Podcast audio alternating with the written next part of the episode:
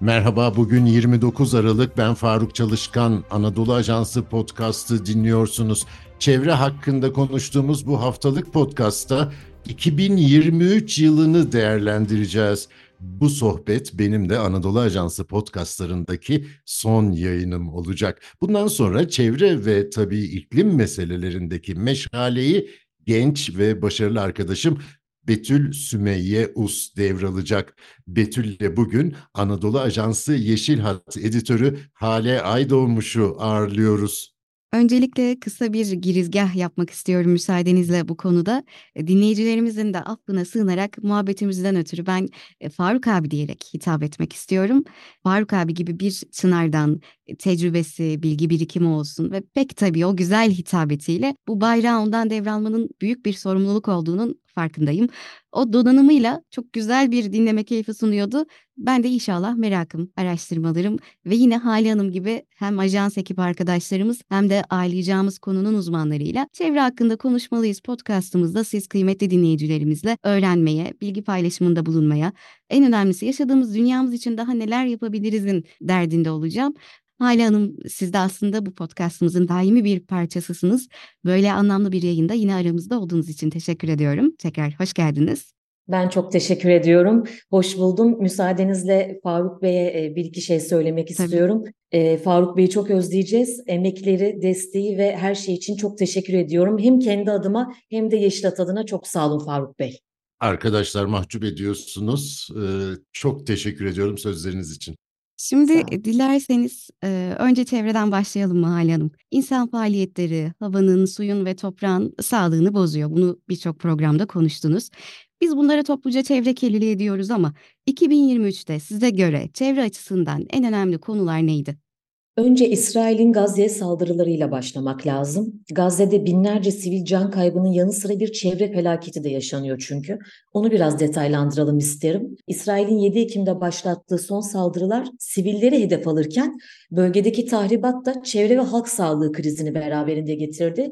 Birçok uzmanla konuştuk, haberler yaptık e, podcast'te kaydettik. İsrail'in uluslararası hukuka göre kullanımı yasak beyaz fosfor bombası kullanması, hatta fosfor başta olmak üzere kullanılan mühimmat çevre felaketinin etkisinin uzun yıllar sürmesine neden olacak. Öte yandan Gazze zaten iklim krizine karşı hassas bir coğrafyada. İsrail'in müdahaleleri sonucu uzun yıllardır mücadele ettiği su krizi de saldırılar sonrası bir kez daha gündeme geldi. Sınırları aşma ihtimali de olan en kritik çevre konusu bu diyebilirim. Bir diğer konu Türkiye'nin Emin Erdoğan'ın önce olduğu sıfır atık projesiyle ilgili gelişmeler. Burada olumlu adımlar var. Türkiye'nin girişimleriyle Birleşmiş Milletler'de kabul edilen Uluslararası Sıfır Atık Günü ilk kez bu yıl 30 Mart'ta kutlandı. Şimdi sıfır atık dediğimizi kısaca şöyle somutlaştıralım.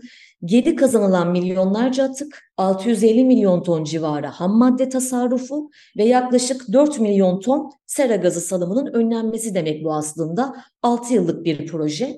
O nedenle çevre sağlığı ve iklim kriziyle mücadele bağlamında çok önemli atık konusu.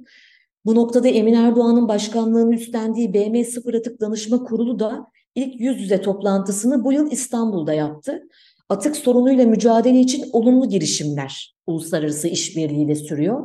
5 Haziran Dünya Çevre Günü'ydü mesela ve bu yılki teması da plastik kirliliğine çözümdü. E, bu da atığın bir parçası.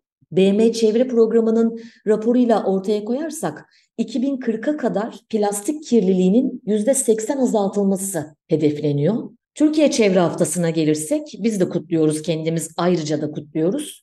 Bu yıl Temiz Deniz Temiz Dünya temasıyla kutlandı. 81 ilde deniz kirliliğinin önüne geçilmesi, kıyı alanlarının korunmasının önemine değinildi. İstanbul bir başka önemli organizasyonun daha ev sahibiydi. Yoğundu bu sene. 2023 Dünya Şehirler Günü programı herkes için sürdürülebilir kentsel geleceğin finansmanı temasıyla düzenlendi. E, dünyadan da bir iki önemli çevre konusuna kısa kısa değinebilirim. Japonya 2011'deki depremin ardından meydana gelen tsunami'de zarar gören Fukushima Daiichi nükleer santralindeki radyoaktif atık suyu okyanusa boşaltmaya başladı. Tartışmalı bir süreç bu, aşamalı bir süreç.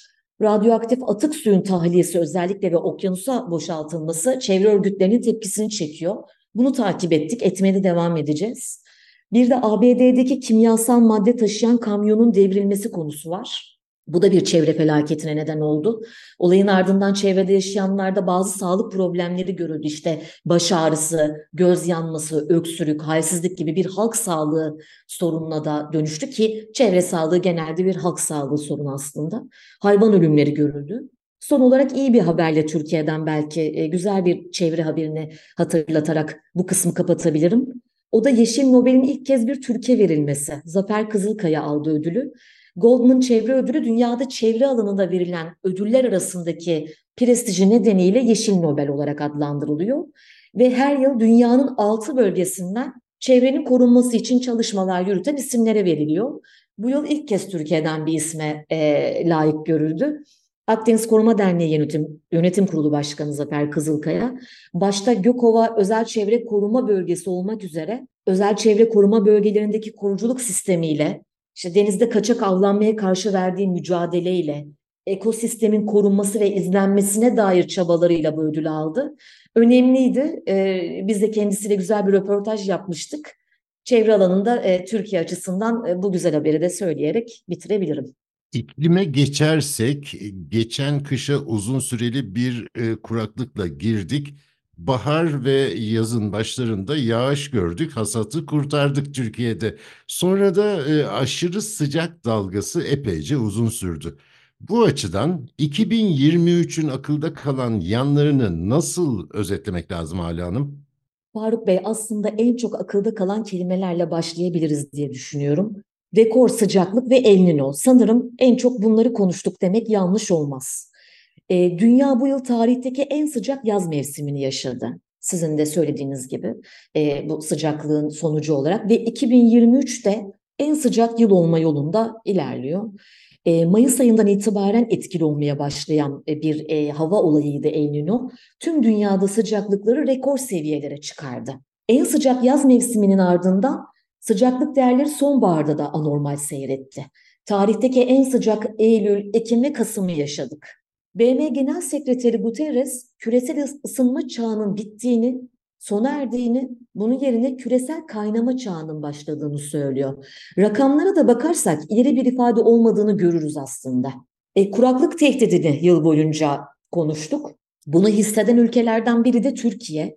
Coğrafi konumu itibarıyla da sürpriz olmadı. Akdeniz ülkesiyiz. Akdeniz havzasında sıcaklık küresel ortalamanın üstünde artıyor. Türkiye son 22 yılın en düşük Ocak ayı yağışını aldı. Sıcaklıklar Türkiye'de de rekor tazeledi bütün yıl boyunca. Sadece karasal sıcaklıklar da değil, deniz yüzeyi suyu sıcaklıklarında da rekor kırıldı. Soğumayan deniz suyu sıcaklığı ne oluyor? Ani, güçlü yağışları beraberinde getiriyor. İşte e, selleri, su baskınlarını konuşuyoruz, konuştuk. Küresel ısınma sonucu sıcaklıklarda görülen artışlar aşırı hava olaylarını tetikliyor. Aslında kastettiğim o. Örneğin sadece Türkiye'de değil, Libya'da meydana gelen sel felaketinde 11 binden fazla kişi hayatını kaybetti. Dünyanın birçok noktasında Avrupa'dan Afrika'ya kadar birçok ülkede sıcaklık kaynaklı ölümler görüldü. E, orman yangınlarıyla boğuştu dünya maalesef. Kanada'daki büyük yangınları hatırlarsınız. Binlerce kişi evlerinden tahliye edildi. E, bu iklim göçü demek bir nevi. Yangınlar sonucu yayılan dumanlar Amerika Birleşik Devletleri'nin birçok eyaletine ulaştı. Hava kalitesini düşürdü, kırmızı alarmlar verildi. Yine o manzaraları da hatırlarsınız Washington'da, New York'ta sarı, e, dumanlı görüntüleri gündeme getirmiştik. Çok yoğun bir hava kirliliği günlerce sürmüştü. E, Temmuz'da Yunanistan'da başlayan ve bir Avrupa Birliği ülkesinde 2000 yılından bu yana görülen en büyük orman yangını felaketini de e, yaşadık. E, nihayetinde yaşadık diyorum çünkü dünyanın bir yerinde olan bir iklim olayı maalesef diğer yerleri de etkiliyor. Muaf değiliz. E, bu orman yangını felaketi de e, 20'den fazla kişinin hayatını kaybetmesine neden oldu. Bir, bir e, çok da tabii ki alan e, tahrip oluyor. Biyoçeşitlilik zarar görüyor. Doğa bir bütün. Bir diğer Akdeniz ülkesi İtalya. Yıl boyunca birçok noktada orman yangını çıktı. Eylül ayına kadar devam eden yangınlar 51.386 hektar ormanlık alanı yok etti. E, yangınlardan en çok etkilenen bölge Sicilya adasıydı. E, dünya bunları yaşarken bir taraftan da toplantılar devam ediyor. İklim konuşunca bunlara da değinmek gerekir. En önemli iklim zirvesi her yıl başka bir ülkede düzenlenen COP toplantıları. Yine bunu da konuşmuştuk podcast'te. Anadolu Ajansı'nda Yeşil Hatta haberleri de geçmiştik. Bu yıl 28.si düzenlendi. Birleşik Arap Emirlikleri'nin Dubai kentinde. İki hafta sürdü zirve. Şöyle sonuçlandı zirve.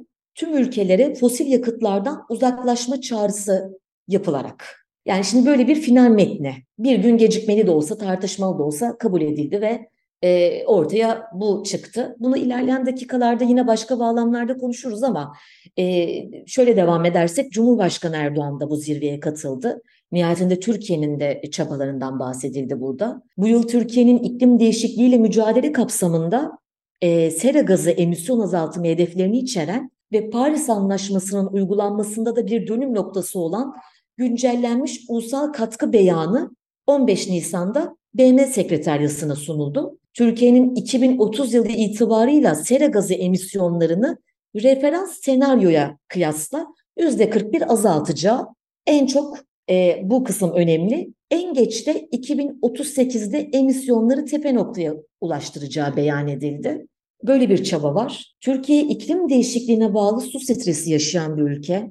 E, ne yazık ki ev, iş yeri ve sanayide su kayıplarının önlenmesi, yasal altyapının oluşturulması, tarımda modern sulama yöntemlerinin kullanılması, halkın bilincinin artırılması ki su e, bilinçli kullanılması gereken de bireysel anlamda önlemler alınması gereken de bir konu. Bu hedeflerle ilgili de bir su verimliliği seferberliği başlatıldı. Yerel yönetimlerden tutun da işte e, Türkiye'nin, ülkemizin her yerinde e, evlerde kullanılan suya kadar böyle bir bilinç oluşturulması hedefleniyor.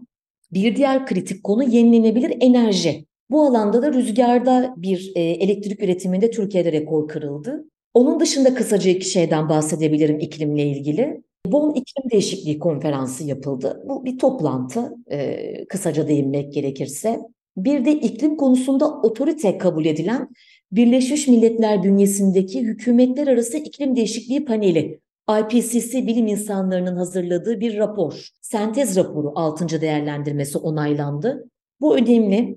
Bizim referans kabul ettiğimiz bir kurum ve e, rapor süreci oluyor bu. Bütün iklim e, çalışanlarının yani iklim bilimcilerin, iklim habercilerinin iklim krizinin yol açtığı kayıpların ve neden olduğu zararların giderek artacağına yönelik risklere odaklanıldı raporda. Dünyada yaklaşık 3,6 milyar insanın iklim krizine karşı aşırı kırılgan bölgelerde yaşadığı vurgulanıyor. Çok önemli etkilerini de zaten yıl boyu hissettik.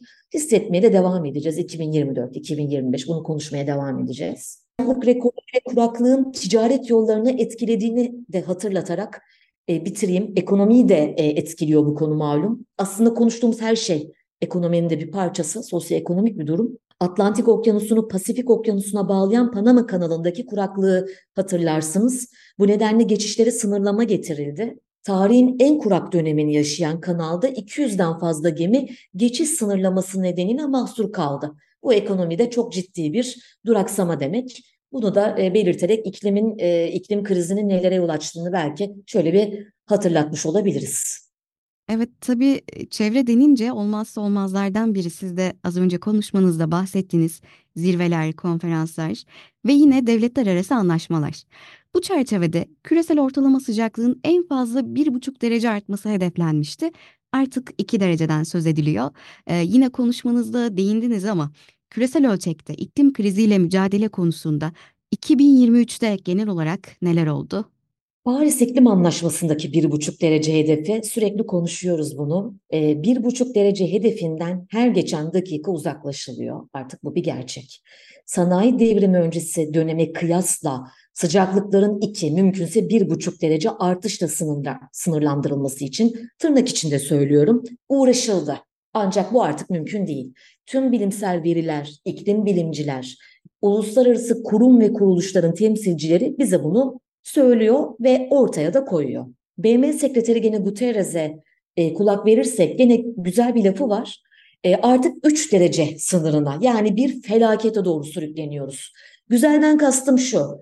Birilerinin artık yüzümüze bunları açıkça söylemesi gerekiyor. Başka türlü harekete geçilme ihtimali yok. Sıcaklıkları kontrol altında tutmanınsa tek bir yolu var. Yani bu iklim krizi konuşuyoruz ya.